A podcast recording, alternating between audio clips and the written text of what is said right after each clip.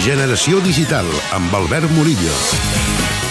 Aquesta setmana passada a Barcelona s'han presentat als mitjans de comunicació les noves propostes en consoles de Sony i de Microsoft. Quan falten menys de dos mesos de la seva aparició al mercat, ja n'hem pogut fer un tast en els jocs de la PlayStation 4 i la Xbox One.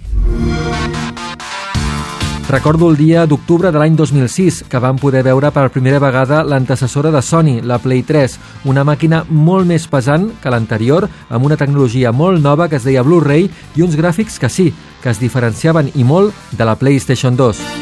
Aquesta setmana ha vist uns gràfics molt millors en la Xbox One i la PlayStation 4, però no tan diferents dels gràfics a què estem acostumats ara mateix. També he intuït l'interès real de les multinacionals, que encara que el preu sigui una mica més baix, ens volen per sempre al seu club gràcies al pagament mensual dels seus serveis. A canvi, ens ofereixen pel·lícules, sèries i jocs. La nova PlayStation 4 i la Xbox One són, això sí, molt més ràpides. La manera de carregar els jocs és diferent, ja que va apareixent el futur proper que anem veient i no pas tot el joc. Això permet parar la partida que juguem per poder comprar nou contingut o pujar els darrers minuts de joc a la xarxa per ensenyar-la als nostres amics.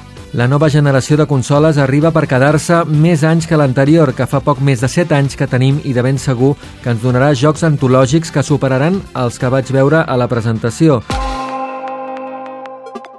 Per cert, pel que vaig poder constatar, la màxima tecnologia a què estem arribant amb aquestes màquines mal utilitzada continua sense oferir-nos passió, com els ulls impersonals i freds dels personatges que controlem.